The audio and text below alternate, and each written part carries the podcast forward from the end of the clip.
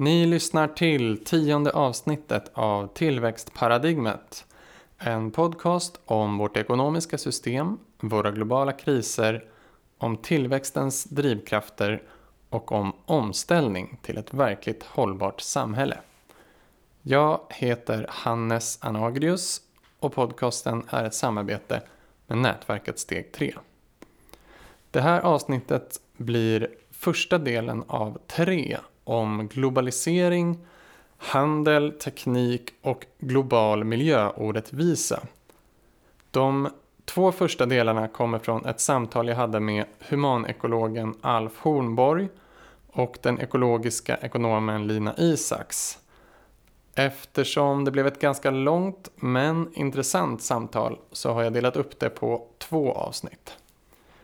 Och den här första delen blir som en övergång från förra avsnittets ämne om ekonomiskt värde och tillväxtens drivkrafter.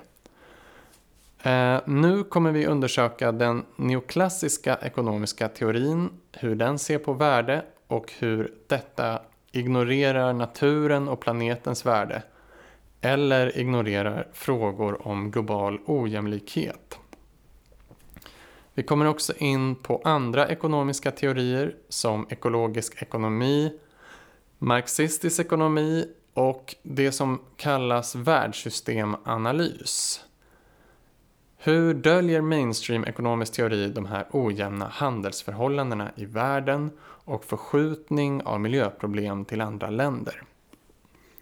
Och senare kommer vi också in på lösningar som till exempel Alfs Eh, förslag på en komplementär valuta och Lina som pratar om deltagarprocesser för att få in fler sorts värden. Och så i nästa avsnitt så handlar det mer om vår föreställning om teknik. Alf Hornborg är professor i humanekolog vid Lunds universitet och har skrivit flera böcker han har doktorerat inom kulturantropologi på Uppsala universitet och gjort fältstudier runt om i världen i bland annat Peru, Tonga och Brasilien. Hans fokus är på de kulturella och politiska relationerna mellan människa och natur, både i historien och i nutid. Och det har gjort att han kommit in på flera ämnen som miljöhistoria, ekologisk ekonomi, politisk ekologi och utvecklingsstudier. Och hans grundteser handlar om att vi i vårt samhälle delar gemensamma antaganden om verkligheten som fungerar som ideologier som befäster eh, maktrelationer i världen som de är. Han menar att många beskrivningar av miljöproblem och ekonomisk utveckling egentligen döljer ojämna eh, globala bytesförhållanden. Det här kommer vi in på. Han har skrivit en bok jag har läst och verkligen kan rekommendera som heter Nollsummespelet. Teknikfetischism och global miljörättvisa. Och föregången till den här boken eh, med ungefär samma innehåll hette Myten om maskinen och för mig har de här två böckerna förändrat hur jag ser på till exempel teknisk utveckling. Ehm, så väldigt intressanta böcker. Och i nästa avsnitt går vi igenom det som Alf kallar teknikfetischism mer. Alltså tron att tekniken i sig själv skapar värde och därmed döljer arbete och miljöförändringar som ligger bakom. Han utgår till exempel Eh, mycket från sin studie om ångmaskinens utveckling, hur den aldrig skulle varit lönsam utan till exempel slavhandeln och kolonialismen under den tiden. Lina Isaks är nationalekonom men har sedan inriktat sig på ekologisk ekonomi. Hon forskar nu på KTH om hur man värdesätter ekosystemtjänster i beslutsprocesser. Och där jämför hon teori och praktik Eh, vilka problem man stöter på när man ska översätta ekologiska värden i monetära värden och hur man kan räkna in andra typer av värden och etik i sådana här beslutsprocesser. Och hon har också undervisat på universitetet eh, om miljöekonomi och ekologisk ekonomi.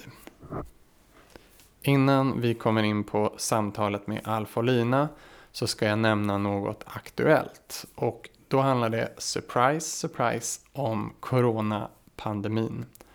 När jag spelar in det här har alltså WHO deklarerat att spridningen av covid-19 är en pandemi. USA inför tillfälligt inreseförbud för alla flyg från Europa. Frankrike, Belgien, Portugal och Danmark med flera stänger skolor, begränsar folksamlingar. Danmark, Norge och Polen Eh, stänger sina gränser, vägspärrar med militär uppförs på Öresundsbron. Även Frankrike och Tyskland stänger gränser till viss del. Och eh, Sverige begränsar resor till och från landet kraftigt. Även i andra världsdelar stänger länder gränser som till exempel Indien och Ryssland. I Sverige rekommenderas nu gymnasium och högskolor att ha distansundervisning. Man förbereder sig för att stänga grundskolor även. Eh, man har förbjudit folksamlingar på fler än 500 personer. Och som reaktion har börserna i hela världen störtdykit. Inte sedan svarta måndagen 1987 har börsen fallit så snabbt och kraftigt. Av oro för konkurser och bankkrascher försöker nu centralbanker och regeringar stimulera ekonomin på olika sätt. I Sverige har Finansinspektionen sänkt kapitaltäckningskravet på banker till noll. Och kapitaltäckningskravet är alltså så mycket eget kapital som bankerna måste hålla för varje lån de ger ut. Och Riksbanken lånar ut upp till 500 miljarder kronor till bankerna till 0,2 procents ränta. Och 500 miljarder är eh, sjukt mycket pengar kan vi säga. Även om allt förmodligen inte kommer användas av bankerna. Men som jämförelse kan vi säga att statsbudgeten 2019, alltså så mycket pengar som staten fick in via framförallt skatter, var ungefär 1000 miljarder. Så hälften av det. Alltså 500 miljarder i princip helt gratis, dock mot att bankerna visar upp säkerheter. Intressant nog så måste bankerna också visa att pengarna faktiskt lånas ut till icke-finansiella företag. Annars så får de betala en straffavgift. Och Riksbanken köper också värdepapper för 300 miljarder kronor såsom stats-, kommun eller bostadsobligationer som bland annat kan användas som säkerheter för bankerna. Sen har ytterligare stimulanspaket kommit från regeringar. Eh, I Sverige så sjösätter regeringen ett stödpaket eller krispaket för företag på 300, upp till 300 miljarder kronor finansierat genom att låna upp pengar. Staten tar bland annat över sjuklöneansvaret, står för halva lönekostnaden vid korttidspermittering och låter företagen få skjuta upp sina skatteinbetalningar. Federal Reserve i USA ska köpa upp kommersiella papper, Eh, så kallad quantitative easing, för 700 miljarder dollar. Så, vad kan vi säga om coronapandemin, eh, den ekonomiska krisen vi verkar gå in i och regeringars och centralbankers åtgärder? Först och främst, det här är knappast den enda världskrisen vi kommer se framöver. Det är tydligt att vårt ekonomiska system inte klarar av att hantera de här kriserna. Vid minsta störning i den annars ökande konsumtionen, flygresandet och så vidare får finansmarknader panik. Så som jag ser det kan vi lära oss tre läxor. 1. Vårt system är extremt sårbart eftersom det bara är designat för ständig exponentiell tillväxt. Vi kan inte bara vänta ut pandemin, ta det lite lugnt, konsumera, resa lite mindre för då krisar hela finansmarknaden. Dessutom är de absolut viktigaste delarna av ekonomin som sjukvården till exempel helt slimmad för att minska kostnader. Så beredskapen för en snabb smittspridning finns inte. Och det visar ju också tydligt vid en sån här kris vilka jobb som faktiskt är samhällsviktiga och vilka som mest syftar till att hålla uppe tillväxten. Länsstyrelsen gjorde till exempel en lista på vilka yrkesgrupper som var citat samhällsbärande och eh, vars barn måste ha barnomsorg då. Och det var mycket av de yrkena som idag är sämst betalda som städare, personal inom vård, omsorg, transporter, kollektivtrafik och så vidare. Så vi får hoppas att beslutsfattare lär sig något av den här krisen. Och två, det är tydligt att systemet inte klarar verkligt effektiva klimatåtgärder. Medan klimatförhandlingar, klimatmål och färdplaner inte har gett någon effekt på de globala utsläppen, vilka istället har ökat, så har man nu på extremt kort tid fått ner utsläppen genom kraftfulla regeringsbeslut. Luftföroreningarna har gått ner kraftigt i Kina där fabriker tillfälligt stänger ner. NASA har rapporterat hur kvävedioxiden i luften över Kina har minskat dramatiskt på bara några veckor och på två veckor minskade koldioxidutsläppen med 25 procent i Kina. Och turismen, kulturevenemang och konsumtionen går ner förutom möjligen konsumtionen av handsprit, konserver och toapapper. Antalet flygningar har gått ner i hela världen och jag undrar hur stor effekt inreseförbudet i USA har gett. Och det här visar att regeringar kan agera för att snabbt få ner utsläppen men det är inte kompatibelt med den ekonomiska designen vi har nu eftersom människor drabbas så hårt och den ekonomiska stabiliteten riskeras. Och tre, åtgärderna visar tydligt att man fortfarande är inne på det gamla felaktiga tänk att Man går omvägen via bankerna och ger dem stora lättnader och i stort sett gratis krediter. Bankerna har sedan möjlighet att göra vinst på att öka den redan enormt höga skuldsättningen i samhället. Och det behövs stöd till de verksamheter som är samhällsnyttiga, ja. Eftersom de inte byggt egna buffertar får staten hjälpa till. Framförallt behöver ju människor som blir av med jobben stöd att klara försörjningen. Men att gå omvägen via bankerna som behåller räntan hos den rikaste procenten och ändå bara lånar ut om de bedömer det troligt att kunna få avkastning på lånen är ju en omväg. I en sån här kris borde det inte handla om avkastning och ökade skulder utan att hålla igång det vi behöver i samhället och trygga folks försörjning. Och det ska inte stå och falla med börsen eller bankernas tilltro till marknaden. Och längre fram kommer vi gå in på alternativ till hur man kan parera eller undvika sådana här finanskriser på andra sätt.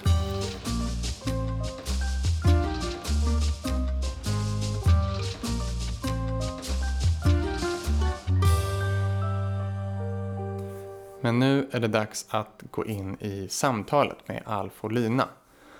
Och först ska vi höra Alf prata om världssystemanalys. Man kan beskriva världssystemanalys som ett sätt att se på världen som uppdelad i metropoler, periferier och semiperiferier. Och metropolerna, eller kärnområdena, de fokuserar på kapitalintensiv, kunskapsintensiv produktion och de importerar råvaror från periferierna och semiperiferierna som har mer eh, okvalificerad, eh, lågbetald, arbetsintensiv produktion och råvaruutvinning. Och den här uppdelningen lever kvar från kolonialismen eller kan sägas vara en förlängning av kolonialismen. Och den håller kvar fattiga delar av världen i fattigdom och eh, beroende till de metropolerna som hela tiden berikar sig på resurserna från periferierna. Och den här synen står lite i motsättning till modernismen som ett mer dominerande synsätt eh, att olika delar av världen bara är i olika faser på vägen mot modernitet och välstånd. Och att globaliserad marknad och global tillväxt på sikt gynnar alla, kan man säga. Jag frågade Alf om jag hade förstått konceptet världssystemanalys rätt, så vi kan lyssna på hans svar. Och eh, just det, vårt samtal var på länk, eh, så ibland hackar ljudet lite grann. Men jag hoppas att ni hör vad Alf och Lina säger. Här kommer i alla fall Alf.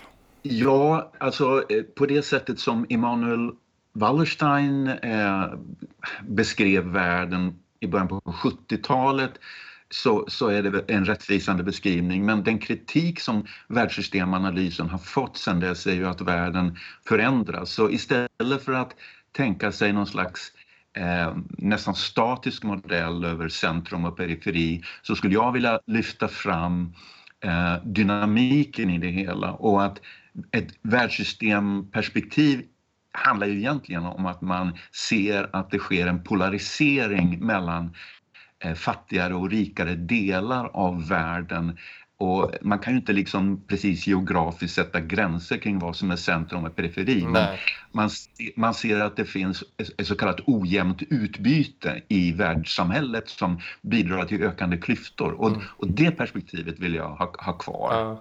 Men det, de här centrum och periferierna kan också vara inom samma land och det kan vara liksom det är inte så att det är statiskt Absolut. olika länder liksom. Nej. Absolut, och egentligen går det bara tillbaks till André Gunder Franks gamla beroendeteori från 60-talet där han sa att det är samma ojämlikhet mellan eh, haciendaägaren och eh, lantarbetaren i Argentina som det är mellan ja. Buenos Aires och London. Han, han såg att den här polariseringen fanns på alla nivåer. Ja. För en lite senare kritik av den här Alltså som till exempel Hans Rosling har sagt, alltså, det finns inte en, en tredje värld längre utan att det är mycket mera det, det, det största delen av världen är någon slags eh, mittemellan fattig och, och rik liksom.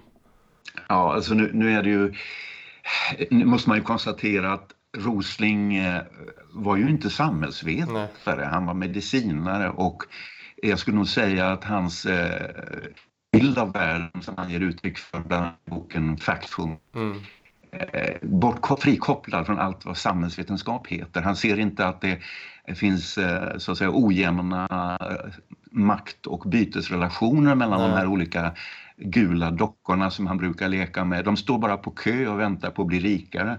Men eh, jag skulle säga att de rikare skulle inte vara så rika om inte det vore för att några andra hade betydligt lägre lön och arbetade för dem. Det finns ja. alltså relationer mellan dem. Ja, intressant. Om vi kommer in på det. Och eh, Lina, eh, du, du, du nämnde neoklassisk ekonomi. Vill du berätta lite om liksom, hur ser man i det som du kallar mainstream eh, ekonomi eller mm. mainstream ekonomisk teori. Eh, mm. Hur ser man på ekonomiskt värde där och vad är det här som BNP som man ofta refererar till? Eh, mm. Vad räknas in i det och vad räknas inte in i, i BNP? Mm. Ja, så får se om jag kan prata liksom begripligt. Det är så ja. mycket. Förenklat så är det så att det som kallas den neoklassiska skolan, den eh, fokuserar på värde som helt och hållet styrt av våra av individers preferenser. Mm. Så, alltså, så våra, våra, våra önskningar och våra eh, behov knappt, eh, men helt enkelt de, det vi väljer eh, är det som styr vad som mm. produceras och vad som ger värde. Så värde i, i eh, den här meningen är eh, att uppfylla individuella preferenser. Mm. Människors eh, liksom, preferenstillfredsställelse är egentligen det man menar med värde. Men det, är, det är också, som... men det är också att det måste köpas på en marknad då. Alltså det, om jag får min önskning uppfylld att mina bästa kompisar kommer och firar mig på min födelsedag så mm. Så behöver ja. inte det in, vara några pengar inblandade? Nej, alltså egentligen i strikt mening så är det ju inte eh, så att det måste vara liksom, marknadsfört. För att eh, liksom, i teorin så är allting vi önskar oss enligt den här liksom, beskrivningen av ja, den här definitionen av värde eh, värdefullt. Menar, det. Det, är det, vi, liksom, det är det vi, vi, man menar med värde. Mm. Eh, men men i praktiken, och det är det som ofta är, är liksom egentligen en, bland det, det största problemet, att, att teorin och praktiken är, eh, är, är, två helt olika saker. Så man får, mm. det blir mycket, det är fokus på, på det som får ett marknadsvärde i pengar. Eh, och då, eh, så jag menar... Det är ju så mycket lättare att, att kvantifiera och räkna liksom.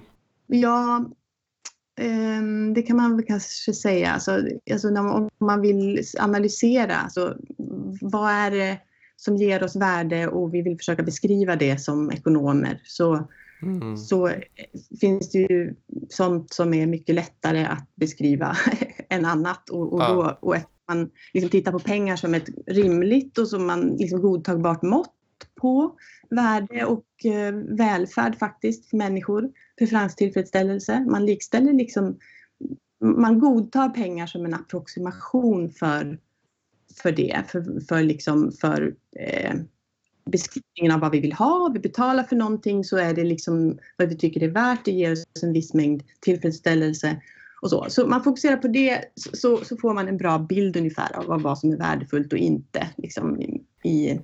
i en mm. ekonomi. Så är det så man tänker och då, det, ja. Men det är väl lite där, alltså, att därför vissa ekonomer då ser det som att BNP ökar så är det en approximation på att eh, det liksom eh, välståndet eller det värdefulla vi vill ha i samhället ändå ökar. Ja, på något sätt tror jag man kan tänka så att det finns alltså ekonomer jag, har inte riktigt frå, liksom frågat någon Men jag tror att någonstans kan missuppfattningen ibland bli liksom den här irritationen som kan komma från eh, eh liksom, ja, nationalekonomer om, om att, mm. om på, man blir irriterad på tillväxtkritiken. Liksom, att man fattar inte att, och jag tror att det kan handla om att, att man ser det någonstans som bara ett, ett mått på eh, precis det. Det här ökar BNP så ökar någonting vi vill ha och det handlar om mm. liksom välfärd egentligen bara. Eh, så det är, i, i, i, i den meningen så, så ser man det som ett mått på välfärd, tro, tror jag. Även om man sen erkänner att i praktiken är det inte menat att vara det. Men eh, ja, förstår ni vad jag menar? Det finns, liksom en, eh, det finns nog en mer eller mindre, vad ska man säga, indirekt eller implicit eller kanske o, rent oreflekterad eh, koppling ändå till eh, ekonomisk analys och mm. ekonomers eh, resonemang kring vad som är viktigt att liksom fokusera på. Och, och då, just för att man ser på värde på ett specifikt sätt. Alltså, och, och, och, och mm. ja. Vill du fylla in någonting eh, Alf, om liksom, ser du något problem ja. med den här synen med preferens, preferenser, att det är det som ger värde? Ja, det jag saknar kanske det är en, en, eh, en historisk eh, kontextualisering av, av det här med neoklassisk eh, ekonomisk teori. Va? För att vi vet ju att de, de, den här så kallade marginalistrevolutionen när, när några ekonomer, Walras, Jevons och Marshall på allvar eh, förändrade ekonomin till att bli ett studie av marknadsmekanismer. Det var eh, ungefär 1870-1871 och det var alltså under den brittiska kolonialismens eh, riktiga höjdpunkt. Och dessförinnan hade man ju haft alltså flera andra skolriktningar. Eh, och jag skulle gärna höra vad Lina liksom eh, hur du ser på själva den den brytningen. Jag menar, om man går långt tillbaka så handlar det om att hålla kvar guld och silver i ett land. Det var det som var källor till värde, det var merkantilismen. Mm. Sen mm. Eh, på 1700-talet var det fysiokratin med tyngdpunkt i Frankrike som betonade åkermarken som det som gav värde.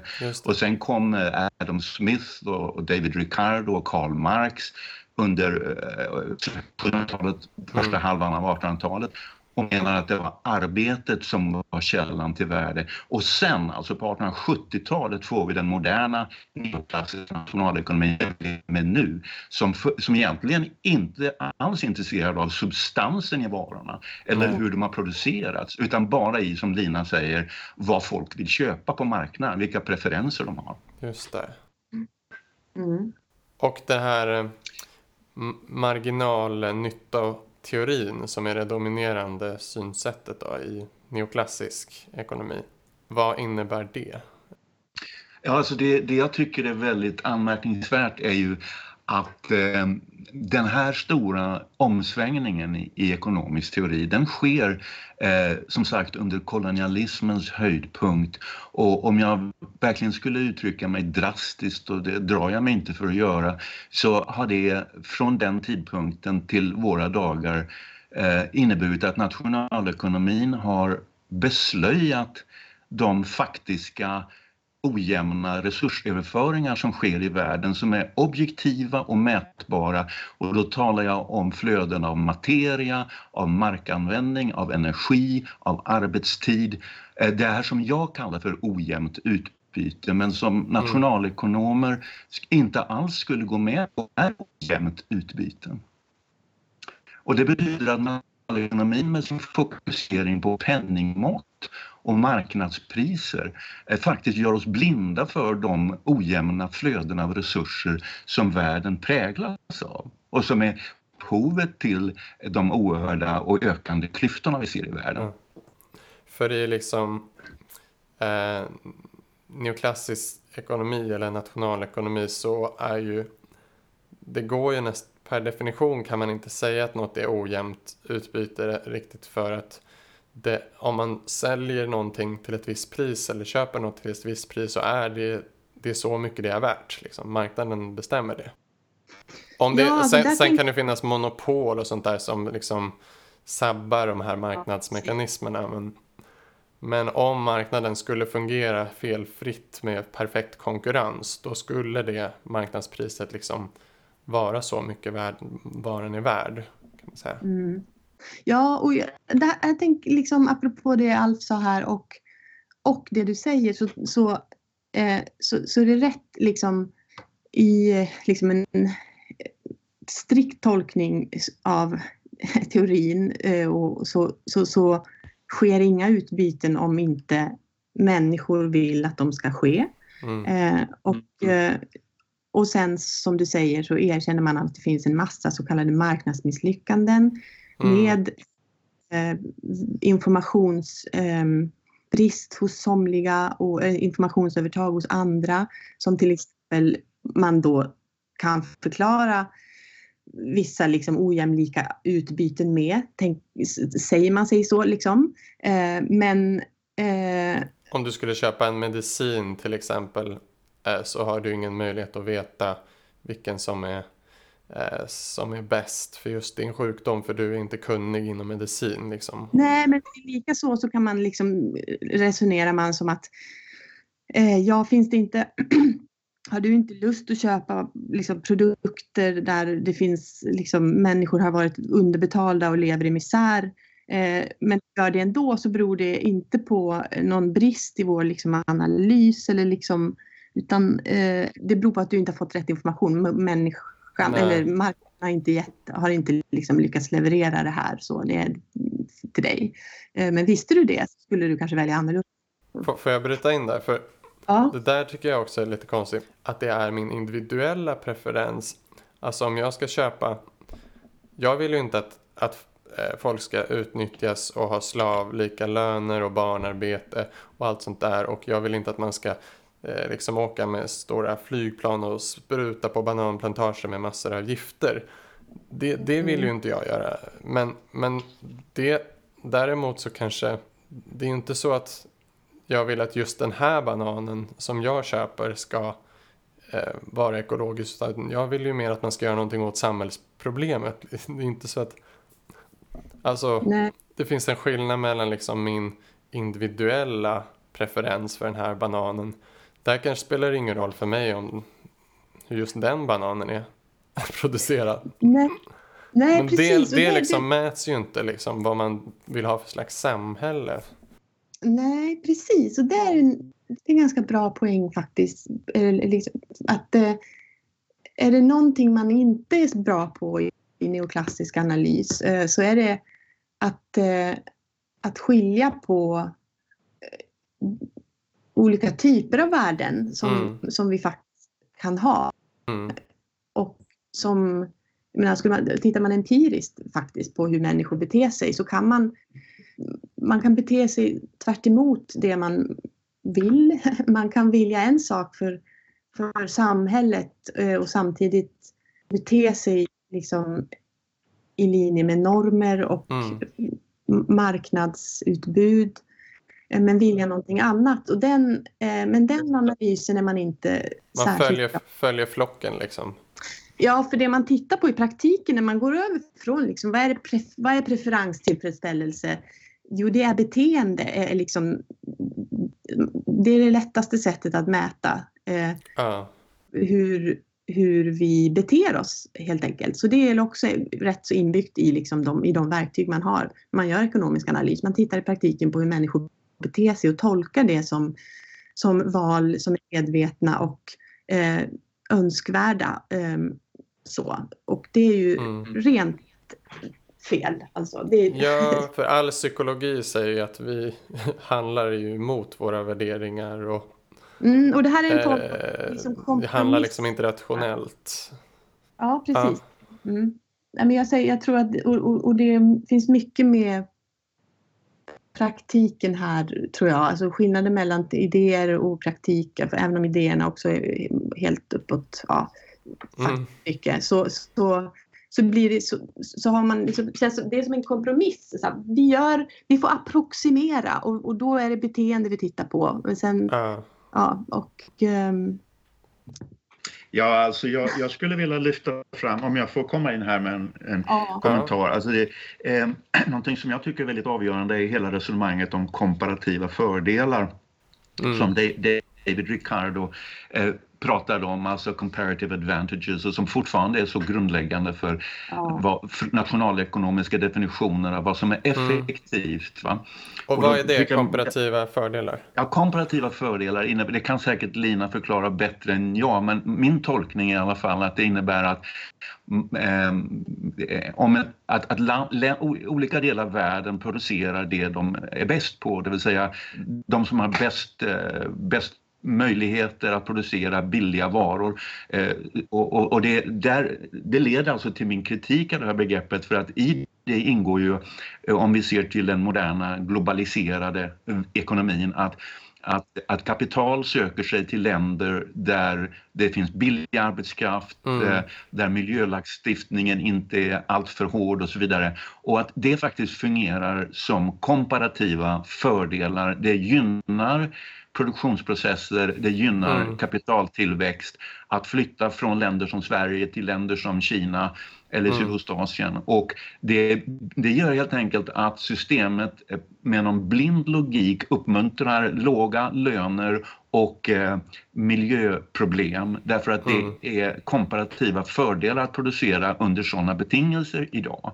Och det betyder att den här, den här, den här idén om komparativa fördelar och effektivitet det, det, det leder ofta till, till ineffektivitet, det vill säga att man, man, eh, man mäter bara de fördelarna i pengar men inte i energiåtgång, markanvändning, mänsklig tidsåtgång och andra biofysiska måttstockar utan effektivitet bestäms bara av vad som ger ett lågt marknadspris. Och det är för mig en mm. väldigt snäv definition av begreppet effektivitet. Mm. Mm. mm. Ja, verkligen.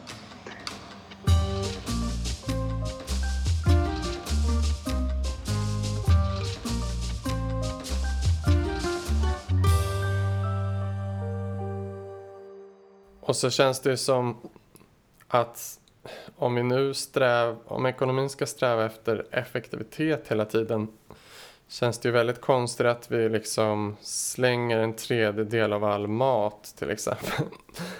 Eller att vi liksom använder jättemycket eh, jordbruksmark till att producera foder till, till djur där nio av tio åkerarealer bara bli till energi till djuren liksom, istället för att bli mat som vi äter. Så, och det, det är bara för att någon har den preferensen då att äta kött. Så ska mm, det vara ett, då blir det liksom effektivt. Men om vi skulle se på samhället i stort så skulle inte det alls vara effektivt. För... Alltså ett exempel på det här, eh, det här med ERO. Sky är en förkortning för Energy Return on Energy Investment. På svenska mm. skulle man kanske säga nettoenergi, det vill säga hur mycket energi får man ut eh, i förhållande till vad man har satsat så att säga på att utvinna energi ur naturen. Mm. Och eh, det är ju någonting som fysiker kan titta på och säga att oj, där får man bara ut två gånger insatsen av energi. Det var låg EROI. Men för ekonomer är det fullständigt ovidkommande om man har en dålig nettoenergi så länge det ger ja. penningavkastning. Så att återigen så ser man... De tittar mer på hur mycket pengar går in och hur mycket hur pengar mycket går pengar, ut. Ja, visst. Och därför kan man hålla på med den här okonventionella oljeutvinningen i USA till exempel med fracking och kärrsandsolja och, och tycka att det är en utmärkt ekonomisk affär medan det ur ett fysiskt perspektiv är vansinne.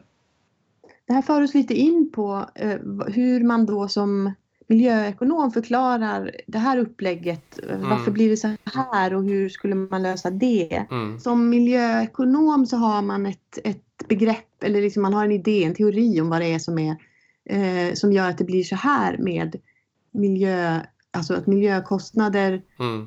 Eh, uppstår. Eh, och det eller externaliteter kallar man det och det är ju en, liksom någonting som man tänker sig inte önskvärt och det beror precis som tidigare på det finns inget marknadsvärde på det och kan vi få det så skulle människor börja ta hänsyn och vad, till... Vill du ge ett exempel på en externalitet?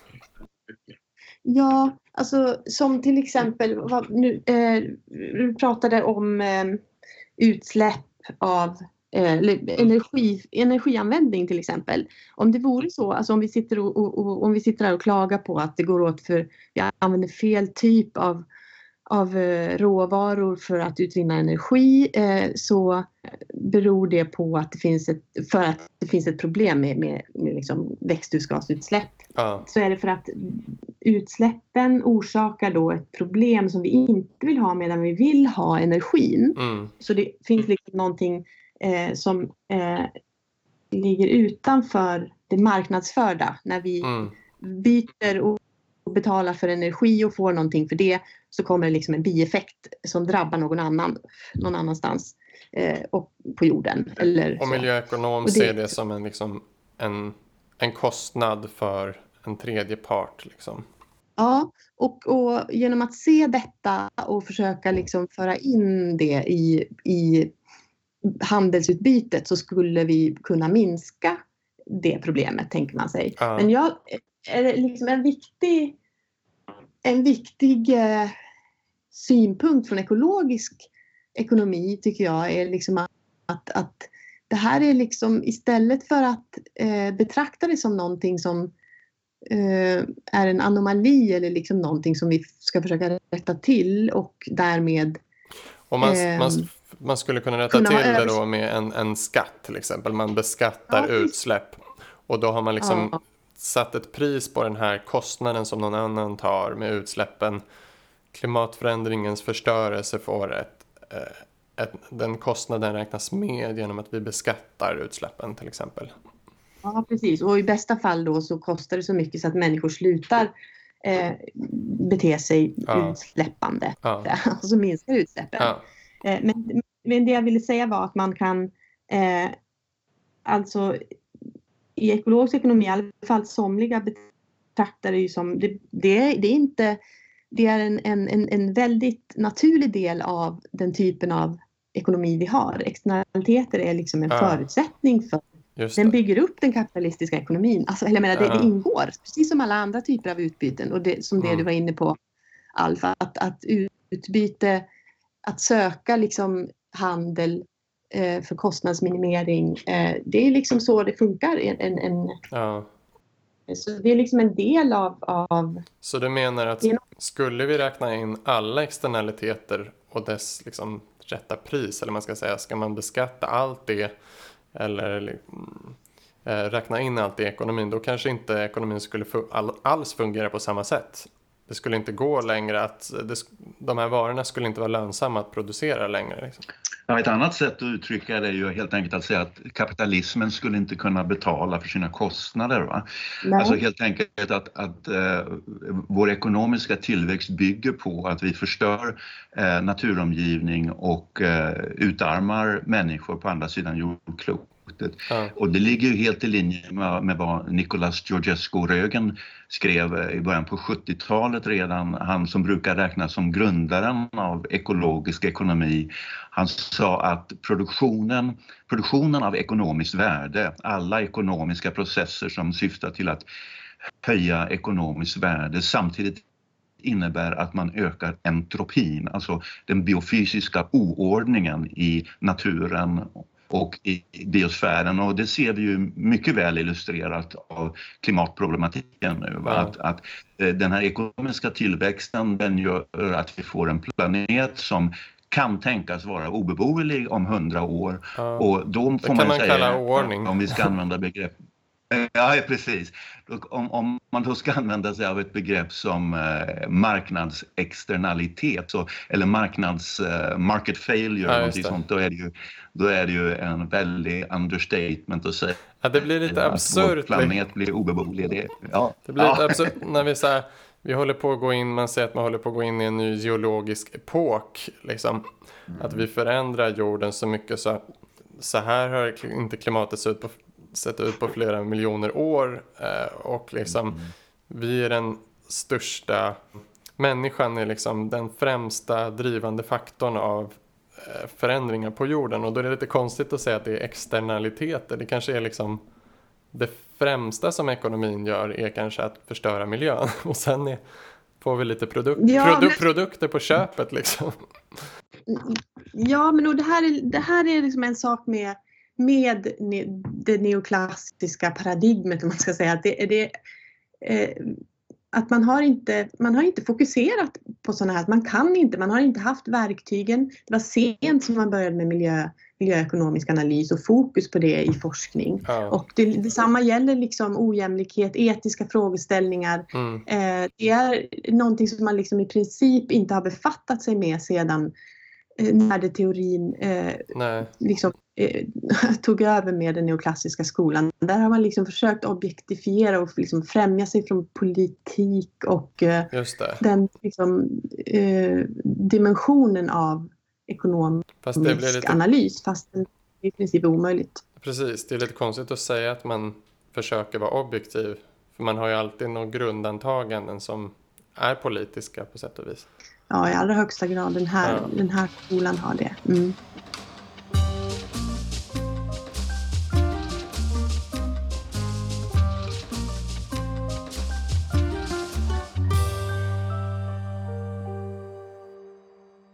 En, en, en annan sån sak med det här att mäta och tänka att preferenser ger värde det är ju att det beror ju på vad du har för köpkraft. Liksom. Om du har jättemycket pengar då kan du ju få allt du önskar dig. Och då bidrar mm. det väldigt mycket till den totala liksom, nyttan i samhället om man har den här synen. Men om du har massa behov som du inte kan köpa för du har inga du är fattig och du har inga pengar. Liksom. Mm. Då, det, det, det, det är vikt, man skulle ju kunna tycka att det är viktigare att en, en fattig person får sina grundläggande behov tillfredsställda än att liksom, en rik person köper eh, en, en till lyxvilla. Liksom. Men, men eh, om du kvantifierar... Får jag lägga till, ett, eh, lägga till ja? Hannes, ett, ett exempel. Ja. Ett, ett barn som sitter i eh, söd, södra delen av Afrika Eh, och in, men inte har pengar att köpa mat mm. för. Mm. Eh, det barnet har alltså ingen efterfrågan enligt en ekonomisk modell, eller hur Lina? Alltså det är väl bara pengar som ger efterfrågan, va? köpkraft? Mm. Ja, alltså i praktiken det är det, så blir det ju. Så blir det. Den har en efterfrågan men det finns, den är inte tillgodosedd. Eh, går den inte att tillgodose då, då eh, då, då får någon annan, om någon annan brydde sig om det och tog tag i frågan, så då, då, då väcks den liksom. Men nej, det stämmer. Mm. Det är bara pengar som ger efterfrågan, ja okej. Okay. Mm. Ja, tillfredsställelse av, eh, eh, av någon preferens liksom, precis. Och om det måste göras genom att betala för det så är det så det liksom skapas en efterfrågan. Mm. Så det blir lite menar, som ekonomerna ställ, försöker ställa sig vid sidan och säger vi ska inte värdera vem behöver det här mest liksom. Men, men istället Nej. så blir det då, vem behöver den här varan mest? Eh, men, men om man ställer sig vid sidan blir det ju lite så här, tar man inte ställning i en sån ganska lätt fråga etiskt tycker jag. Om en, en svältande person har ju större behov av mat än en mätt person. Liksom. Ja, där kan man ju liksom... Alltså, man skulle ju kunna tycka att man, man ska inte behöva syssla med jämlikhetsfrågor om man är liksom, akadem, liksom, om man håller på med någon typ av analys. Men, mm. men när det kommer till liksom, samhällsekonomisk analys så är det svårt att, att bortse ifrån för det första att det är viktiga frågor ja. för de flesta. Det är viktiga politiska frågor. Och ämnet eh, som man sysslar med eh, i sig handlar mycket om, om fördelning. Eh, och, och särskilt om man fattar politiska beslut baserat på de här analyserna. Liksom. Ja, precis. Mm. Ja, här finns det massor alltså. Det, det, mm. ja. Men äh, Alf, du var, var inne lite på historien om hur man har sett på värde. Vill du förklara lite skillnaden? Äh, det som, som äh, Adam Smith och, och Ricardo och sen Marx utvecklade med att det var arbete som ger en vara eller en tjänst dess värde. Liksom. Ah, den nedlagda ja. arbetstiden. Eh, ja. Alltså det, det intressanta är ju att båda, både marxistisk ekonomi och det som numera kallas för ekologisk ekonomi ja. har ju försökt att utmana neoklassisk ekonomisk teori på väldigt liknande sätt. Ja. Nämligen genom att argumentera att det finns andra former av värden än de som neoklassikerna ser, alltså marknadspriserna. Mm.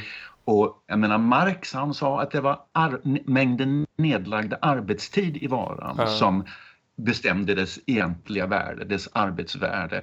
Och eh, varan var underbetald, eller rättare sagt förlåt, arbets eh, arbetstiden var underbetald därför att den avkastade mer ekonomiskt värde enligt Marx än den kostade att, att underhålla. Så liksom eh, ar eh, så arbetet eh, måste, alltså man måste ha råd att få boende och mat och så och det är liksom underhållet ja, tyvärr, eh, arbetet. Men sen så Precis. får kapitalisten får ingen mer av att sälja varorna än det. Och det blir mervärdet till kapitalisten. Liksom. Så att man, man, man frågasatte alltså den så att säga, värdeteori som mm. ekonomerna hade. Och på, sam, på samma sätt så gör de ekologiska ekonomerna idag? Mm. när de säger att eh, egentligen så är naturen mycket mera värd än vad marknaden uppskattar den till. Mm. Och så börjar man ekos, ekosystemtjänster, alltså den diskussionen har funnits nu i några decennier att man tänker sig att eh, naturen utför en slags tjänster åt människan genom att mm. rena luft och vatten och sådär. Mm. Och egentligen borde marknaden eh, eh, ta hänsyn till det och sätta ett pris så att säga på de här mm. eh, ekosystemtjänsterna. Eh, och, och, på liknande sätt har andra ekologiska ekonomer tänkt sig att eh, energi är grunden för allt värde, inte arbete utan energi. Man har så kallad ja. energivärdelära. Och jag menar att båda de här utmaningarna mot neoklassisk ekonomisk teori är dödsdömda därför att jag tror inte det någonsin går att övertyga ekonomer om att deras tolkning av vad som är värdefullt och vad som avgörs eh, vilka marknadspriser som, och värden som skapas på marknaden mm. skulle vara felaktig. Och min lösning, okay. jag tror hela begreppet värde bygger på att vi har den här måttstocken pengar eller om jag ska uttrycka det som antropologer, ja. allsyftespengar. Mm. Eh, att vi har den måttstocken och vi låter den styra vårt tänkande, mm. våra, våra ekonomiska världsbilder, våra kategorier. Det vi måste ta oss ur, ur den världsbilden för att rädda planeten, faktiskt, om jag ska uttrycka det drastiskt. Ja, ja men vad, vad, vad föreslår du istället om man inte ska för man kan, man kan ju säga så här att, att mäta, att sätta pris på naturen, eh, ekosystemtjänster, eh, till exempel eh, att vårt eh, eh, vatten från jordbruket det liksom åker igenom en, eh, en sumpmark eller, och där renas vattnet, det tas upp giftiga ämnen och så och det är en tjänst till oss som naturen ger. Liksom. om man inte skulle värdesätta det i marknaden så kanske man skulle negligera det och då röja bort den här sumpmarken. Det är väl argumentet för att liksom Jo, jo, jo visst. Och det, det, har ju, det har ju diskuterats ändlöst mycket hur man skulle kunna göra det. Det är bara det att så fungerar inte världen. Mm. Jag menar, våra pollinatorer håller på att utrotas. Vi, har en, vi är inne i en sjätte massutrotning och så vidare. Våra mm. ekosystem utarmas globalt, korallrev försvinner helt och så vidare. Vi kan inte bara sitta och fundera över hur vi möjligtvis skulle ändra våra modeller för att undvika det här. Det är ju ett grundläggande i hela det ekonomiska tänkandet och vi ska inte inbilla någon att det går att rädda planeten genom att ändra i några diagram. Mm.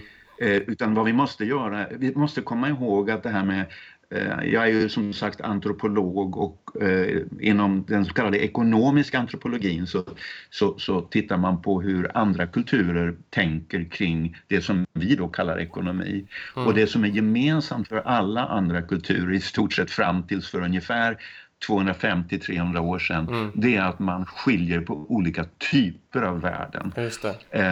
Man, man blandar inte liksom mat och eh, lyxvaror och arbetstid och Nej. byter dem mot varandra. Men det är det vi gör med våra pengar. Vi, låter, vi, vi, kan hugga ner regnskogar och köpa Coca-Cola för pengarna. Mm. Eh, vi, kan, vi kan ta mm. samma pengar som skulle kunna rädda liv i, i södra Afrika använder vi för att spekulera med på Wall Street. Mm. Är just det här att vi har en enda måttstock för allting som, som, som skapar alla problemen. Ja, mm.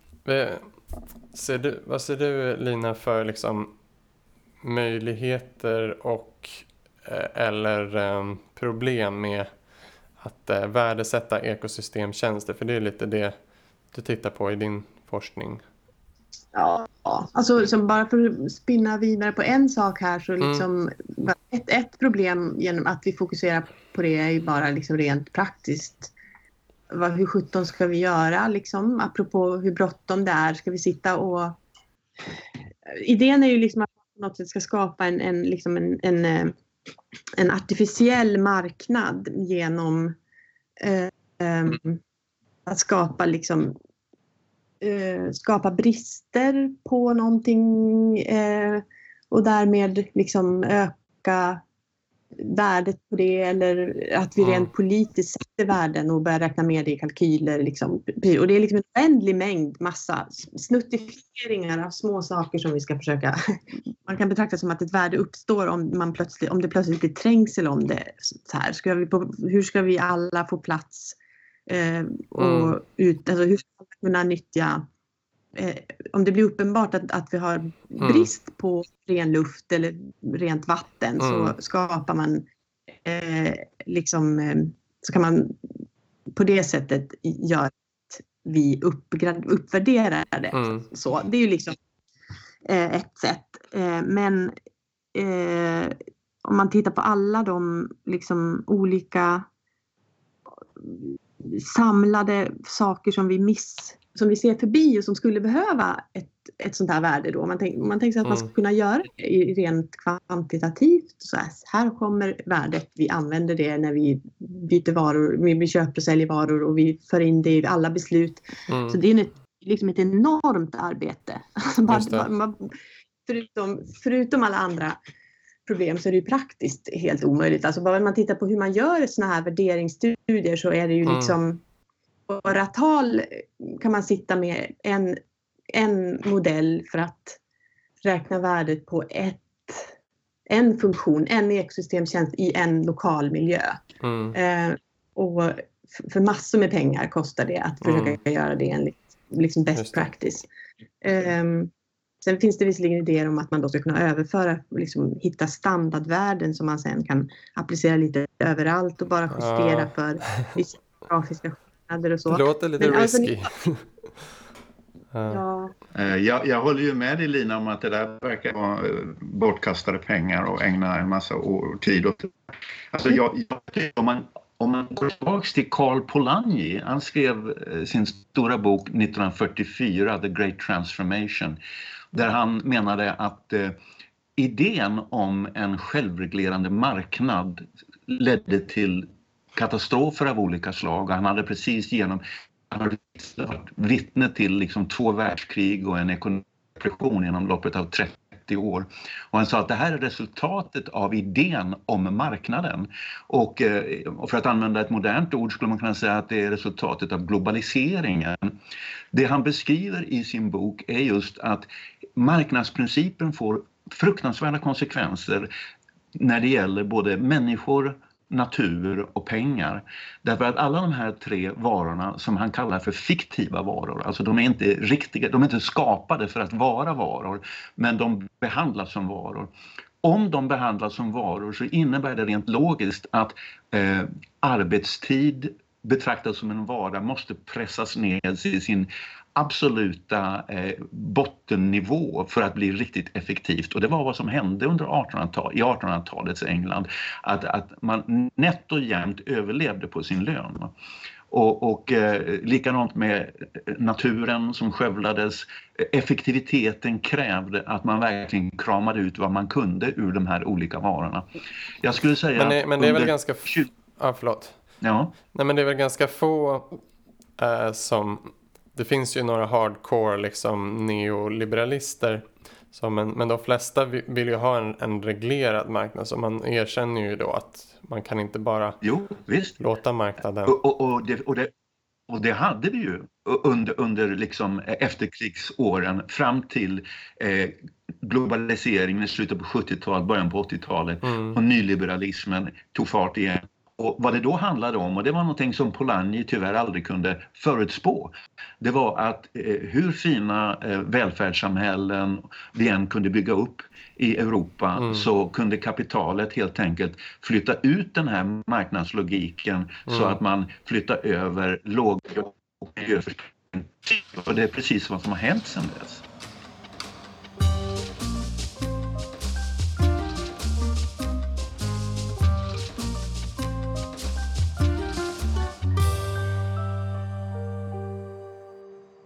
Har du något eh, intressant, någon intressant idé där, Alf?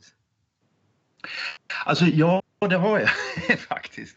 Nej men alltså det, det, det är så här att om man, om, man, om man tänker sig följande scenario, att vi faktiskt ville, ville att människors lokala förmåga att överleva kriser, deras självförsörjning, eh, ekosystemens bärkraft och så vidare skulle kunna alltså eh, immuniseras mot de här globala kapitalflödena så kan man bara göra det genom att inrätta en särskild valuta som man använder bara för lokalt producerade varor och, tjänster. Och som inte då går att byta mot varor producerade i, i, i Kina eller en annan del av världen. Eh, och, och, och, det här är inte fråga om protektionism, för det handlar inte om några tullar. Det handlar om att kunna erbjuda människor ett alternativ. Min idé, mycket kort, eh, om jag får utveckla den lite, är att eh, man skulle kunna en, en, en, nationalstat som Sverige skulle kunna inrätta en komplementär valuta, alltså en valuta som mm. man har vid sidan om den reguljära och sen dela ut den som basinkomst till alla som uppehåller sig i landet. Men med förbehållet att denna särskilda valuta får bara användas för inköp av varor som har producerats inom en viss radie från köpstället. Och det kan man naturligtvis eh, hålla koll på med hjälp av GPS och andra praktiska möjligheter. Men det skulle göra att väldigt många människor faktiskt skulle vilja använda sin basinkomst för att köpa lokalproducerat och det skulle minska efterfrågan på långväga transporter och det, de koldioxidutsläpp och annat som följer av det. Och, och ja, det finns hundra men, andra fördelar med, är, med den tanken. Är det den främsta anledningen till att man skulle ha en, lo, en lokal valuta då för att eh, man skulle minska transporter? Det, det, är en, det är det främsta eftersom klimathotet eh, är så eh, oerhört äh, aktuellt nu. Va? Men mm. det finns en väldig massa andra fördelar också som har att göra med äh, äh, friheten för enskilda individer att förverkliga sina livsprojekt eh, genom en basinkomst till exempel. Eh, och det skulle också öka den sociala sammanhållningen väldigt mycket i, i, i människor emellan. Det finns oerhört många, oerhört många fördelar med systemet men, mm. men det skulle väldigt drastiskt reducera efterfrågan på globala transporter. Det skulle vara ja. att sätta käppar i hjulet för globaliseringen faktiskt som är det stora problemet enligt många bedömare. Okej, och där får vi sätta paus för den här konversationen.